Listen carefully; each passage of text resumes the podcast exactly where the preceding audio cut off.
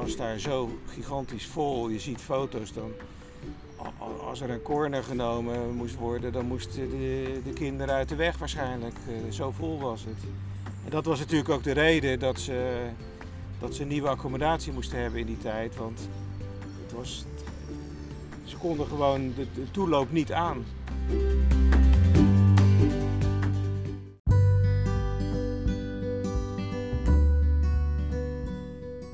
Je luistert naar de Feyenoord Boekenkast, een podcast over Feyenoord en boeken. Mijn naam is Pieter Verkijk en in elke aflevering vraag ik een Feyenoorder naar zijn of haar favoriete boek. Volg de Boekenkast via jouw eigen podcast-app, bijvoorbeeld Spotify, en geef ons daar absoluut een like wanneer je de aflevering leuk vindt. Of laat op feyenoordboekenkast.nl een berichtje achter. Veel plezier!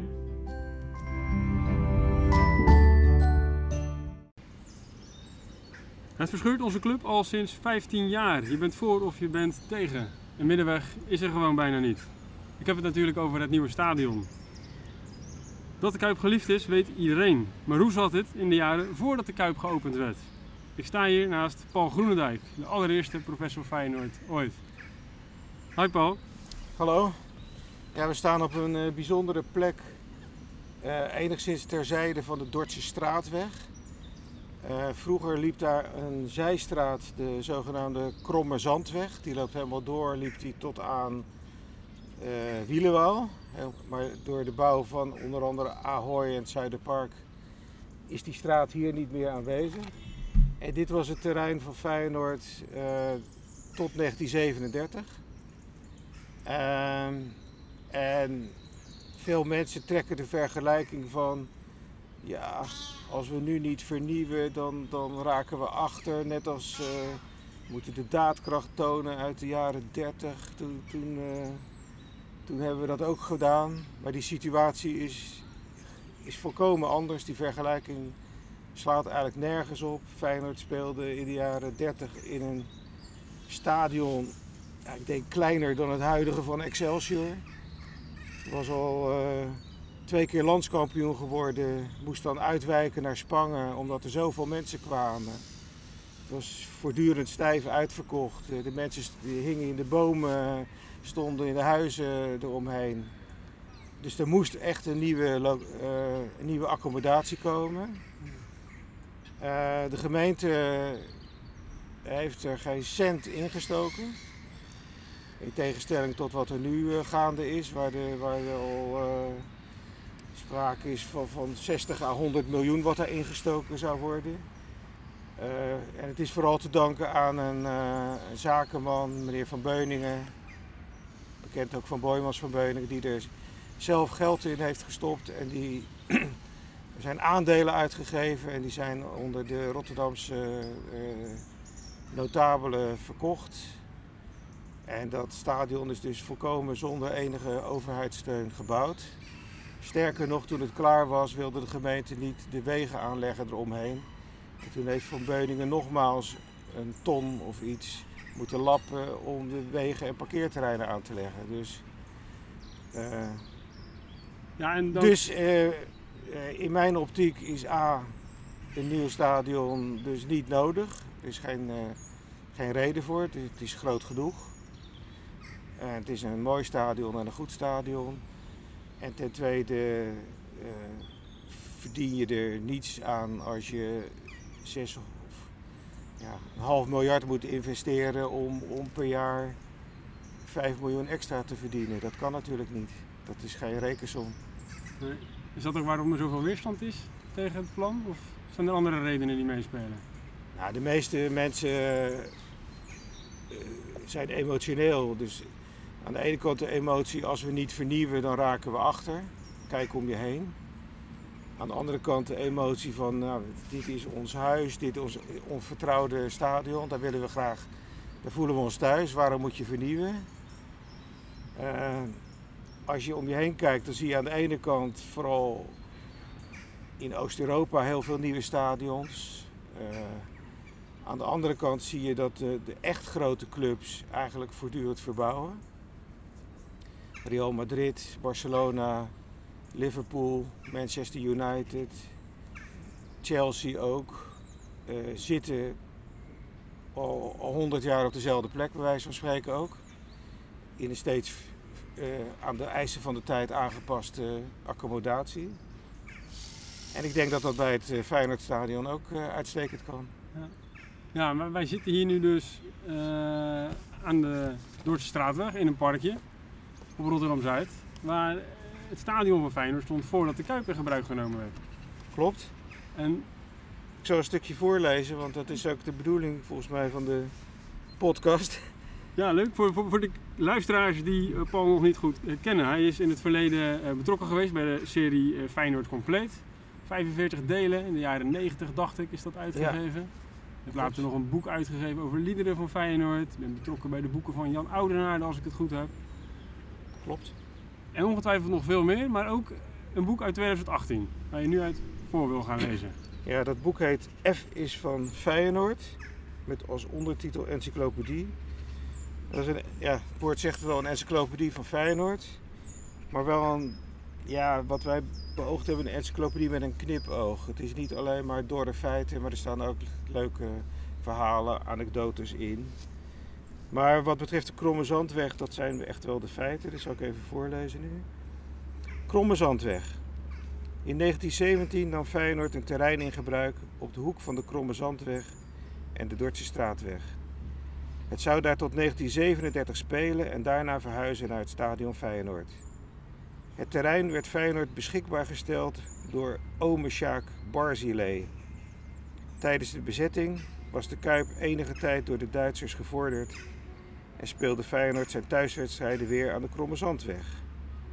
Tot de aanleg van de velden op Varkenoord bleef het complex bij de lagere elftallen in gebruik. En dan ga ik gelijk door even naar die Barzilay, want dat is wel grappig. Eh, Jack Barzilay. Toen Feyenoord in 1917 door de oorlogsomstandigheden het Afrikaanderplein moest verlaten, speelde de Rotterdamse koopman Isaac eh, Jack Barzilay 1876-1957 een belangrijke rol in de oplossing van het probleem. Op de hoek van de Dordtse Straatweg en de Kromme Zandweg bezat hij een flink terrein dat hij beschikbaar stelde voor de aanleg van een representatief onderkomen voor Feyenoord. Voor dat doel stichtte hij de NV Sportterrein Feyenoord met zichzelf als directeur, die een overeenkomst met Feyenoord aanging voor de periode 1917-1927. Feyenoord zou 20 jaar van het terrein gebruik maken. Het terrein wat wij dus nu op uitkijken, dat is het terrein wat die Barzilai van Feyenoord heeft gekocht. Ja, ja het ligt eh, ja, achter het voormalige Zuiderparkhotel. Eh dat is nu een flexhotel. En Polo Hotel Polo genoemd, Hotel eh. genoemd, ja, staat er, staat er trouwens ook in. En eh, dat is dus geen eh, openbaar terrein meer, dat is vrijwel helemaal bebouwd met volgens mij een school en bejaardenflats. En zelf dacht ik eigenlijk dat, dat het terrein meer in de groenstrook ernaast lag, maar dat is toch niet zo. Het lag meer dus er naast die groenstrook die, waar we nu in zitten. En ik zou het zelf persoonlijk leuk vinden als hier bijvoorbeeld een, een bord zou staan met een foto van het oude terrein. Dat is een mooie luchtfoto. Waarop je dan kan zien waar dat vroeger was. Dat, dat zou ik leuk vinden als, eh, als ik hier zou wandelen. Ja, want er is helemaal niks van te zien natuurlijk. Ik ben gisteren even gaan kijken, hier vast. En denk ik van ja, waar gaan we de opname doen? Het is buiten, hebt natuurlijk omgevingsgeluiden. Komen nu ook een paar mensen voorbij. Hallo. Hallo. Nou, het enige wat er nog. er niks van hier. Je ziet niks van. Ja, wat dat is hier niet helemaal waar. Dat is niet helemaal waar. Het enige wat er nog staat, en dat is ingebouwd in het Zuiderpark Hotel, dat is Hotel Café Restaurant De Spil. Zal ik ook even voorlezen? Op de hoek van de Kromme Zandweg en de Dordtse Straatweg, ter zijde van het oude terrein van Feyenoord, verrees in 1923 het Hotel Café Restaurant De Spil. Dat werd ontworpen door de Rotterdamse architect Henk Sutterland. De naam verwees naar de destijds belangrijkste speler in het voetbalspel. De eerste eigenaar was Hendrik Spoor en de eerste exploitant Toon de Jager, een Feyenoorder uit de oertijd van de club. Hij gooide al na een jaar de handdoek in de ring. De speel zat in het weekend vol, maar op werkdagen kwam er geen hond naar de donkere hoek van de Dordtse Straatweg en de Kromme Zandweg. Ook Kees van Dijken, schoonzoon van Spoor, heeft de speel enige tijd geëxploiteerd. Kees van Dijk was ook een uh, oud voetballer. In 1952 nam oud-scheidsrechter Aad van Welzenes na een verbouwing de exploitatie over. In later tijden werd het pand aanzienlijk uitgebreid tot Zuiderpark Hotel en deed vanaf 1996 dienst als AZC en sinds 2014 als Flex Hotel Zuiderpark. In de nabije omgeving wordt gesproken van het Polenhotel.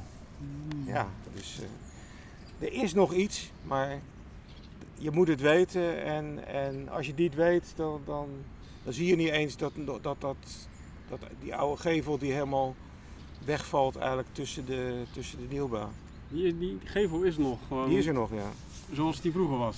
Toen volgens mij wel, ja. ja. Volgens mij wel, ja. ja.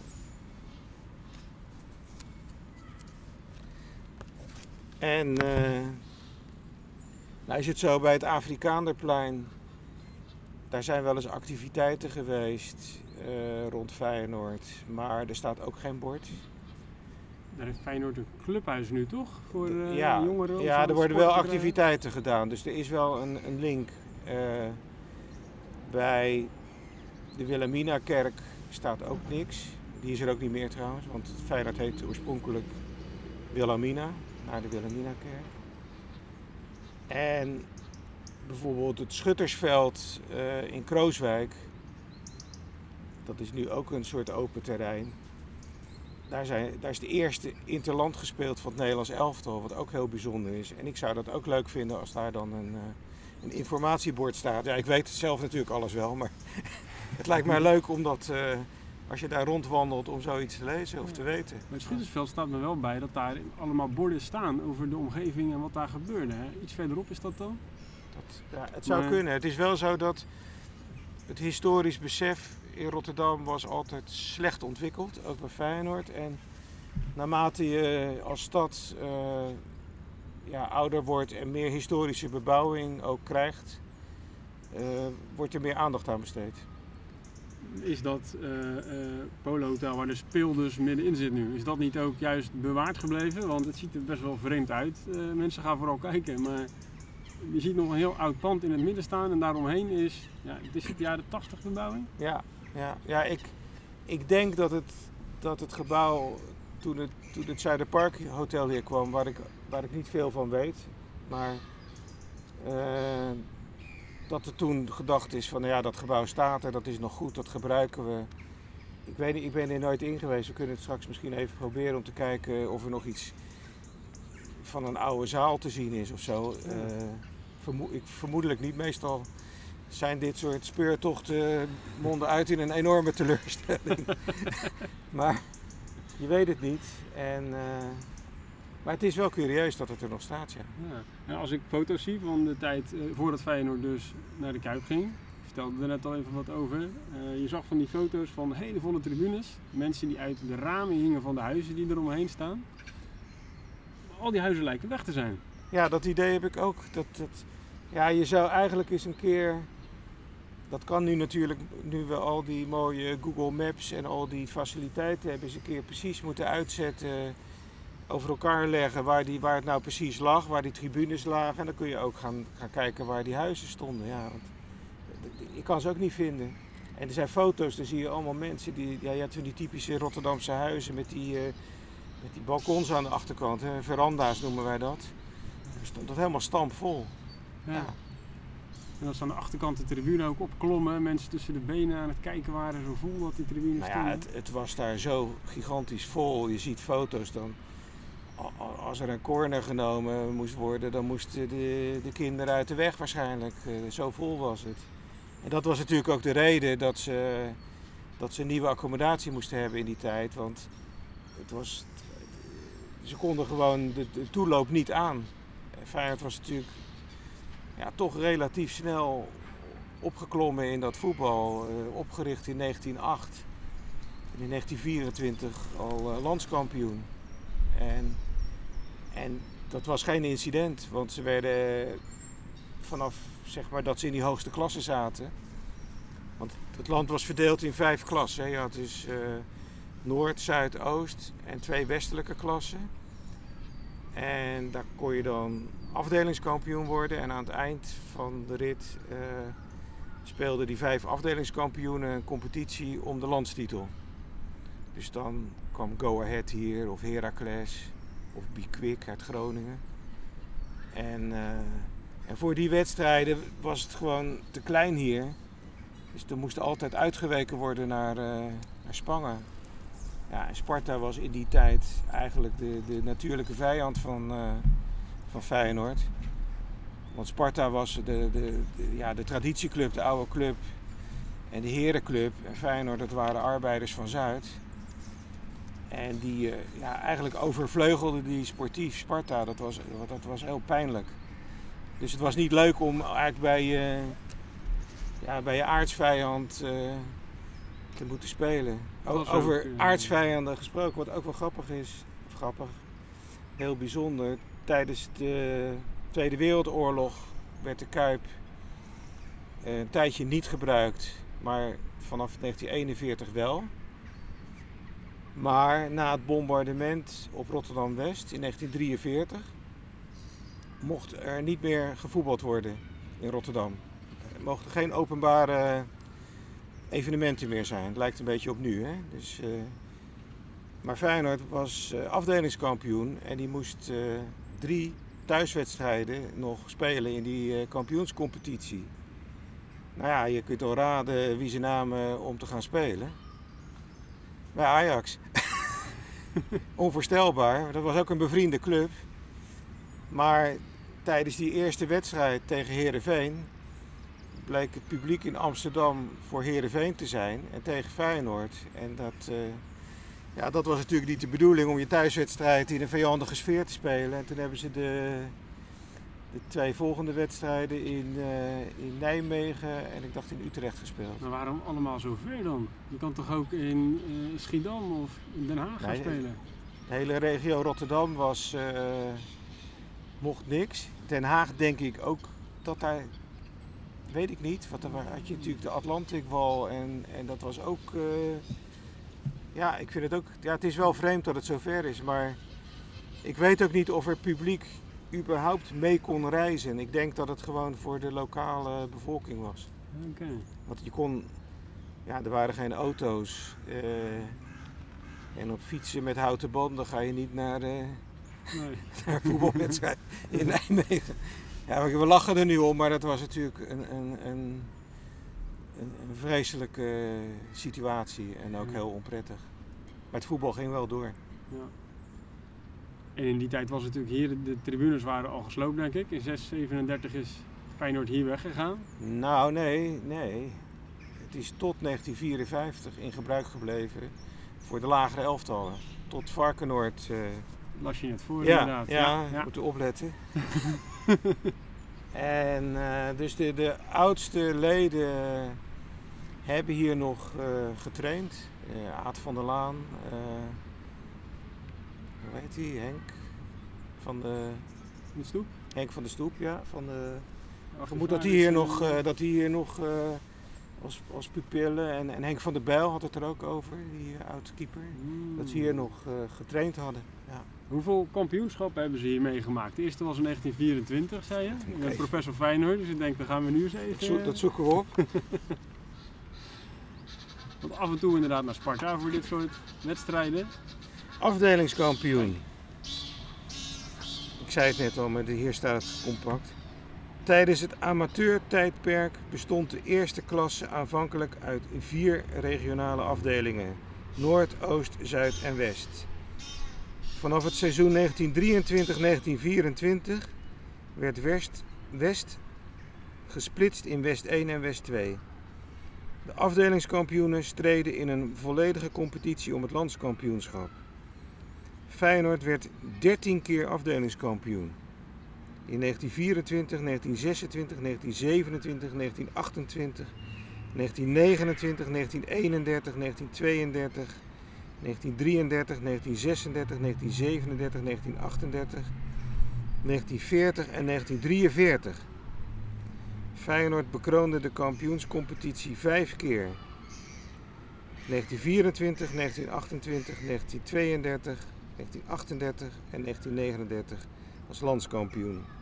Dat 32 klopt niet, dat is 36. Maar goed, dat verbeteren in de volgende druk. Dat zie ik nu. Ja, maar dat vind ik het mooie. Ik vraag iets en je pakt gelijk de encyclopedie Ja. erbij. En het staat er weer in. Nou ja, ik wil niet zeggen, die encyclopedie heb ik voor mezelf gemaakt. maar het- ik vind het zelf wel heel handig als je dit soort feiten even kunt opzoeken. Hoeveel wedstrijden heeft iemand nou gespeeld? Wanneer kwam die? Eh, naar welke club ging die? De ganzen worden er Ja. helemaal opgewonden van. eh. Ik wil wel supporters, ja.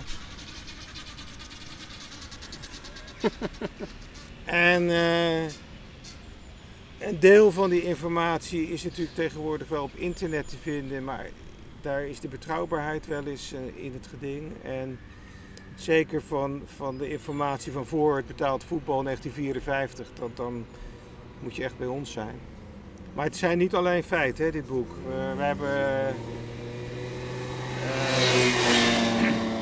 geprobeerd ook eh, alle spelers die een bijnaam hadden, alle anekdotes, alle liederen, alle bestuurders. eh, wat je maar kunt bedenken eh, erbij te zetten. Ja, en ergens zijn jullie natuurlijk begonnen. Eh, ik denk dat heel veel mensen dit boek wel eh, eh, kennen, wel in de kast hebben staan thuis. En af en toe gewoon open doen. Want je gaat het niet natuurlijk van A tot Z eh, lezen. Nee, nee ja, Maar als je hem dan open doet, dan blijf je erin bladeren. En dan blijf je lachen om bepaalde Ja, anekdotes. dat is de bedoeling, ja. ja. En het heeft de vorm van een encyclopedie, maar het is ook gewoon de geschiedenis van Feyenoord in een soort ingedikte vorm. Ja. Ja. Ja, wat wel leuk is, ik noemde net Kees van Dijken. Dat was een nogal stevige verdediger. En die had een café dat heette City Corner in het centrum. Bestaat volgens mij nog steeds. En als je dan kijkt bij City Corner. In zijn eerste interland op 15 maart 1925 tegen België stond Kees van Dijken opgesteld als linksback. Tijdens een aanval van de Belgen sloeg Van Dijken de bal met de hand uit het doel. Wat de Engelse scheidsrechter Arthur H. Kingscott ontging. Hij gaf geen penalty, maar een corner. Jaren later was Van Dijk in Rotterdam eigenaar van het café-restaurant City Corner op de hoek van de Goudse Singel en de Jonker Fransstraat. De naam verklaarde Van Dijken met het incident tijdens zijn eerste interland in Antwerpen. City Corner. Dat soort nutteloze informatie kun je ook bij ons vinden. Ja.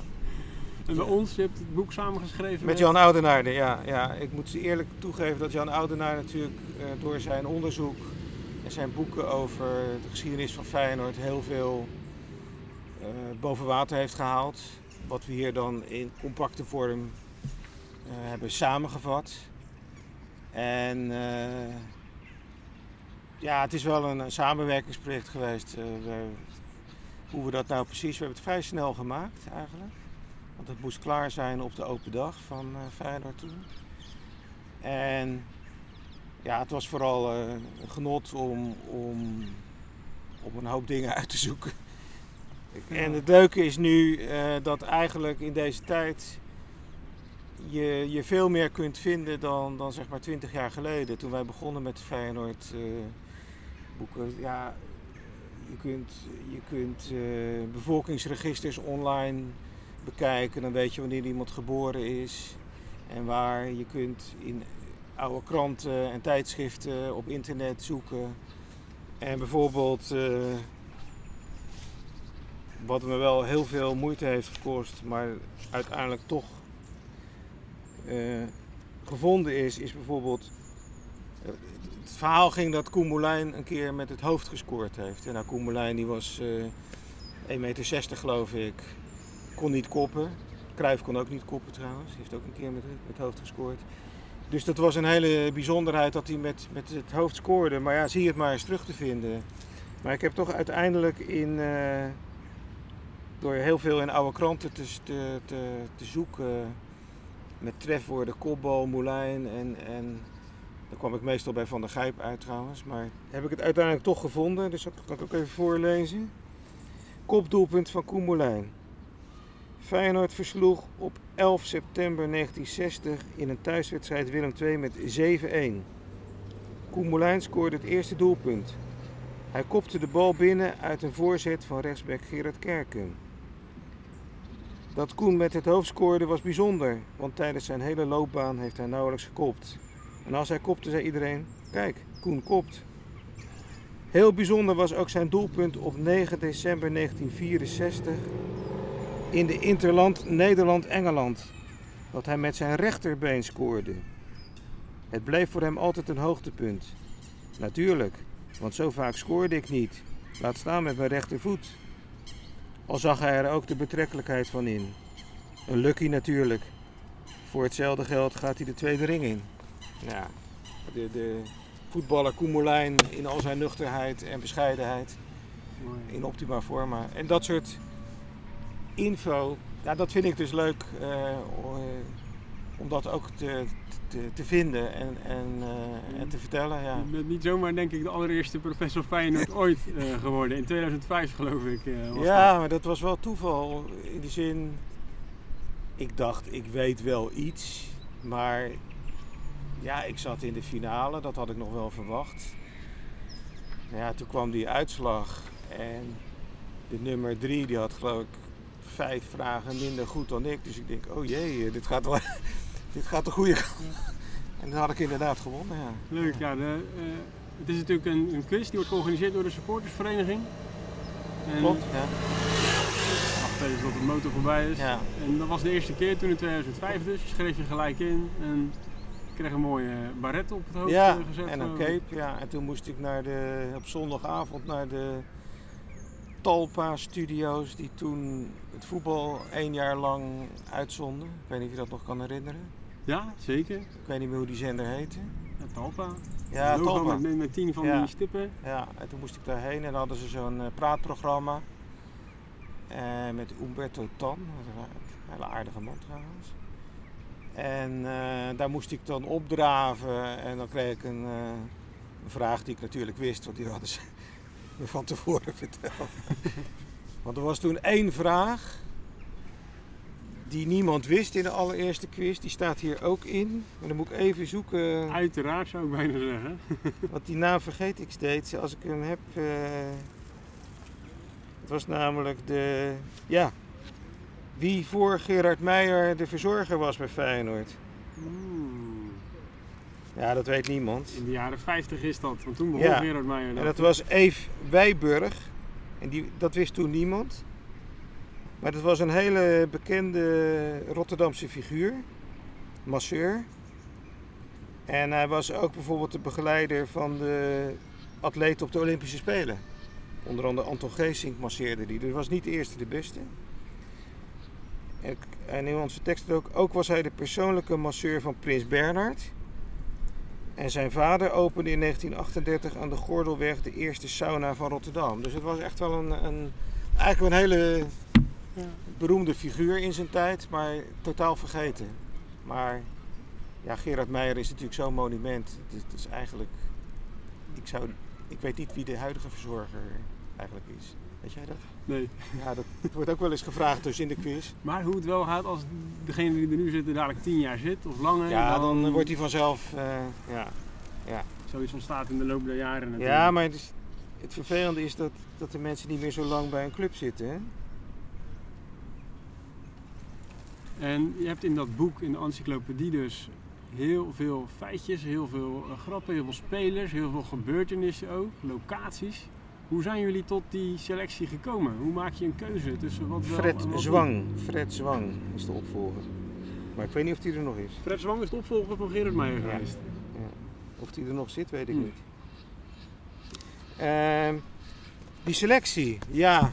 Nou, we hebben, zijn begonnen met een, een raamwerk eh, dat alle spelers die een officiële wedstrijd hebben gespeeld. Dus een competitie, beker, Europa Cup. Hebben het geloof ik, of Intertoto ook nog erbij. Uh, die uh, staan erin. Uh, vervolgens de, ja, de voorzitters, alle trainers, de bekende personen, de locaties, de liedjes, de bijnamen en de anekdotes. Dat is eigenlijk wel de, de, de hoofdmoot. Ja. Ja. En dan alles opzoeken van al die categorieën. Ja, ja, en steeds weer wat erbij verzinnen. Want ja, ik kende het nummer eigenlijk niet, maar ik zat toen bij de bekerfinale. En dat hele stadion zat te zingen Don't Take Me Home. Dus nog niet zo lang wordt dat gezongen volgens mij. Ik weet niet of jij dat weet. Uitwedstrijden vooral dacht ik dat het uh, ja. begonnen is in ieder geval. En ik kende dus alleen de melodie. En de tekst kon ik slecht verstaan. Maar uiteindelijk heb ik dat op filmpjes wel verstaan. En kunnen traceren. En dat is dus uit, uh, komt natuurlijk uit Engeland. En uh, was vooral ja, supporters van Wales bij het Europees kampioenschap in 2016. En, dus die hebben er ook nog even ingezet.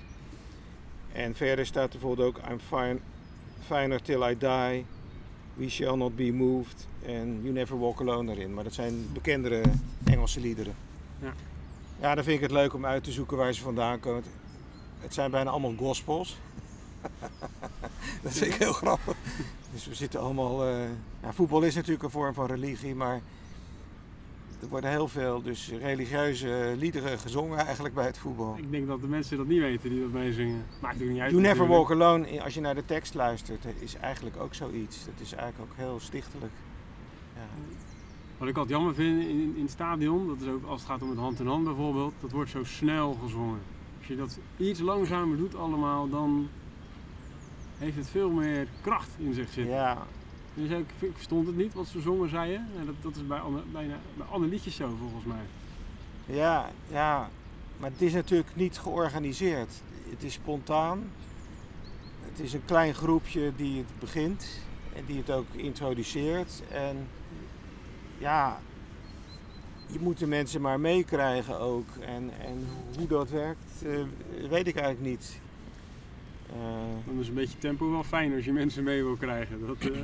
Ja, hoewel die, die langzame liederen wel ook makkelijker te zingen zijn volgens mij. Ja. ja. Maar het Wilhelmus bijvoorbeeld, dat wordt ook vaak heel langzaam gezongen. Dat is ook, dat is ook een drama dan. Als je dat te langzaam inzet, dat, is, dat, dat, dat, komt niet vooruit dan. Ja hebben we toch al bijna over je eerdere boek, het lied van Feyenoord, ja. we nu, uh, door het over liederen te hebben. Ja, als je daar alles van wil uh, weten, zou ik, zou ik Jimmy Tigges adviseren om te strikken, want die weet net zoveel als ik. Dat hebben we echt helemaal samen gedaan.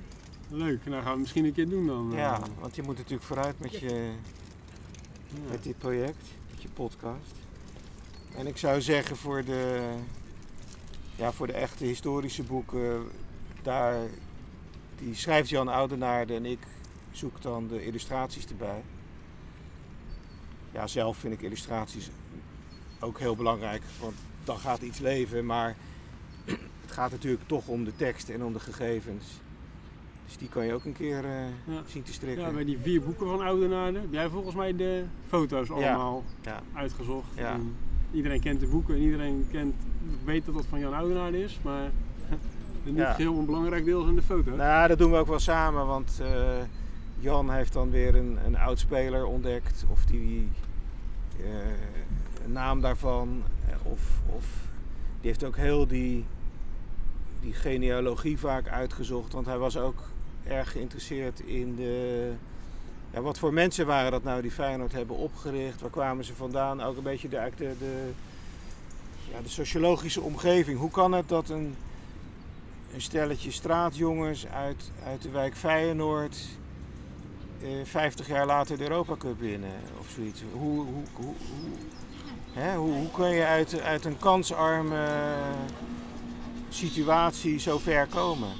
Dat is natuurlijk heel interessant. En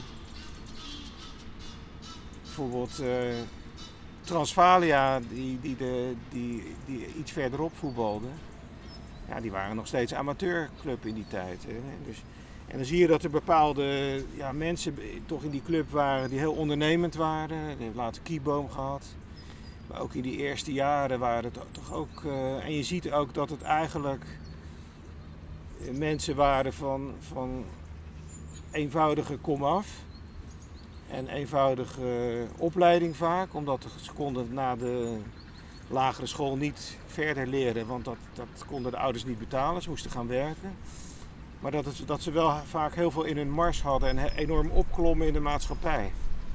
Ja. Dus dat is wel interessant. En dat is ja, denk ik ook interessant voor, voor huidige eh, dingen zoals nu Rotterdam-Zuid is opnieuw acht, of weer of nog steeds achterstandswijk. Hoe krijg je die mensen nou gemotiveerd om er iets van te maken? Want dat kan wel. Ja. Ja, dat, eh, Dat is natuurlijk wel een van de dingen waar de gemeente aan denkt. Is eh, Ja. Feyenoord daarbij voor in te zetten.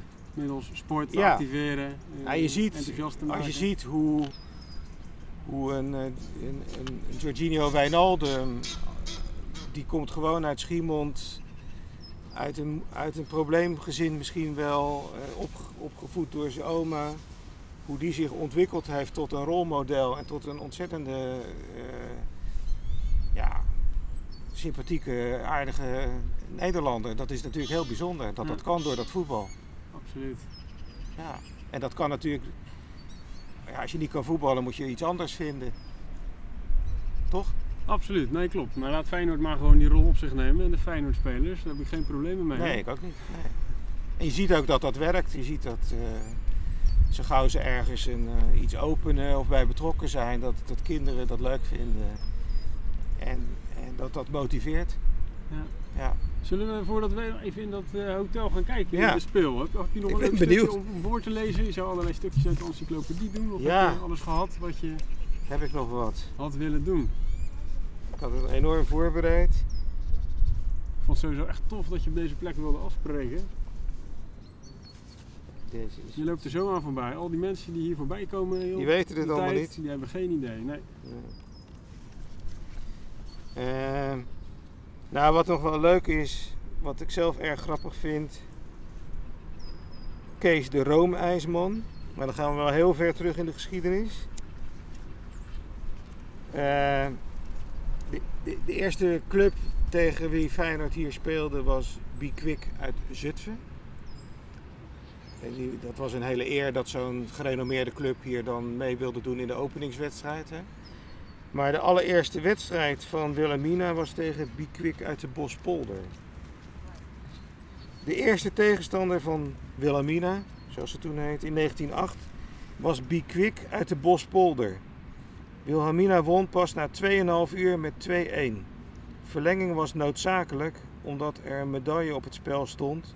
Die was uitgeloofd door een roomijsman met de naam Kees.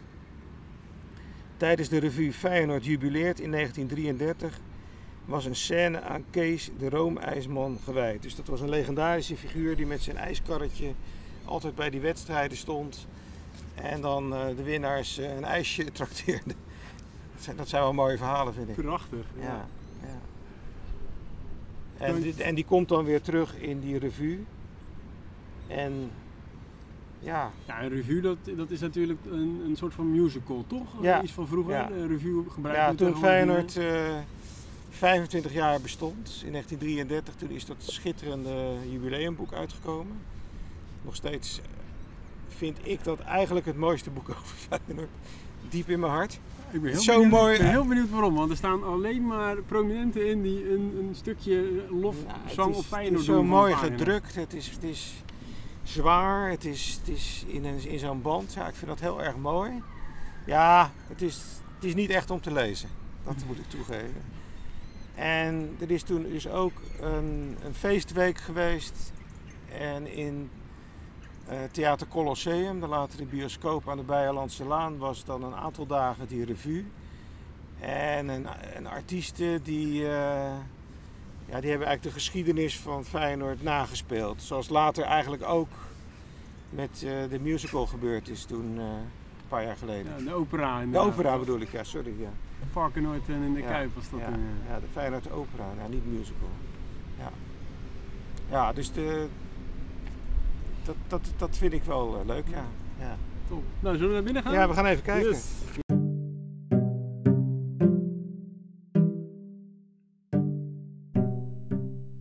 Paul en ik lopen naar binnen, het gebouw De Speel in. Dat is dus het gebouw waar Feyenoord vele feesten heeft gevierd in de jaren dat we nog op die hoek van de Dordtse Straatweg en de Kromme Zandweg voetbalden. Lang vervlogen tijden, want we hebben het over de periode 1917 tot 1937. De eerste Poolse jongen die we aanspreken weet van niets, hij woont hier pas twee weken. Ook de volgende, vermoeid ogende man, is niet op de hoogte van de geschiedenis van het gebouw. Raar is dit niet natuurlijk, er zijn ook weinig Rotterdammers die dat weten. Maar dan raken we in gesprek met een van de beheerders van het gebouw, ook een Poolse man. Hij is wel bijzonder goed op de hoogte van de geschiedenis van die plek. Allerlei grote artiesten blijken hier in het verleden geslapen te hebben. Met een ander opnameapparaatje, namelijk mijn telefoon, lopen architectuurhistoricus Paul Groenendijk en ik verder het gebouw in.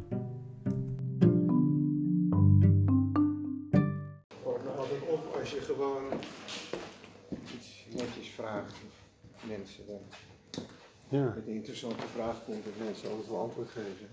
Die ook vrijwillig zijn. Ja, maar wij lopen nu, ik ben even aan het opnemen, Paul, want wij, wij lopen hier nu naar binnen in de speel. En wat zagen wij opeens? Ja, volgens mij is het interieur nog redelijk intact. Er is nog een soort zaaltje met een podium.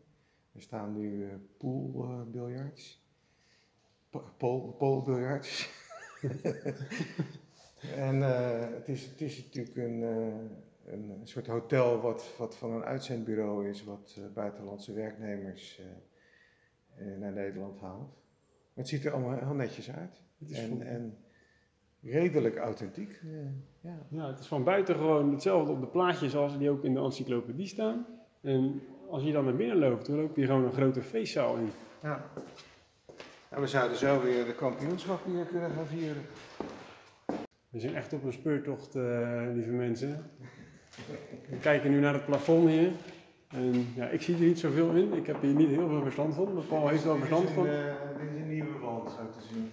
Van architectuur heb jij wel eh, verstand volgens mij. Heeft wekelijks de rondleidingen overal. Maar dit podium lijkt me erg authentiek. Zoals dit is. Even getikt, hè? Dat is echt Ja. hout. Ja. Maar het heeft ook nog de vormgeving van de. Nadat het de speel was, werd het het Zuiderpark Hotel. En dat was een, een heel keurig hotel waar bijvoorbeeld ook de atleten van de marathon altijd logeerden. Dus, eh, alleen op een gegeven moment is dat volgens mij. eh, ja, is dat failliet gegaan of slecht gegaan. En daarna. Ja, dan is het een beetje verouderd, dan wordt er een AZC ingezet, want dat, moest, dat, moet, dat moet je dan eh, snel eh, regelen. En Michael Jackson heeft hier geslapen. Ja, zei dat man zei, de, zei die man, maar dat weten we niet zeker. Het zou kunnen. Ahoy is natuurlijk eh, op loopafstand. Het is best mogelijk dat in die tijd artiesten hier ook logeerden. Ja, dat moeten we nog eens uitzoeken. Maar dat is eigenlijk geen Feyenoord geschiedenis meer. Rotterdamse Nou, geschiedenis. zullen we het hier dan maar bij laten?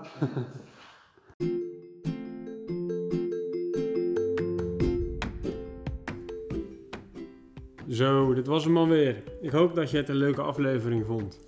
Open nu je podcast-app, geef een like aan de boekenkast en meld je eraan als volger. Iedere drie weken komt er namelijk een nieuwe aflevering online. En samen bouwen we zo een kanon op van de meest bijzondere verhalen over de mooiste club van Nederland.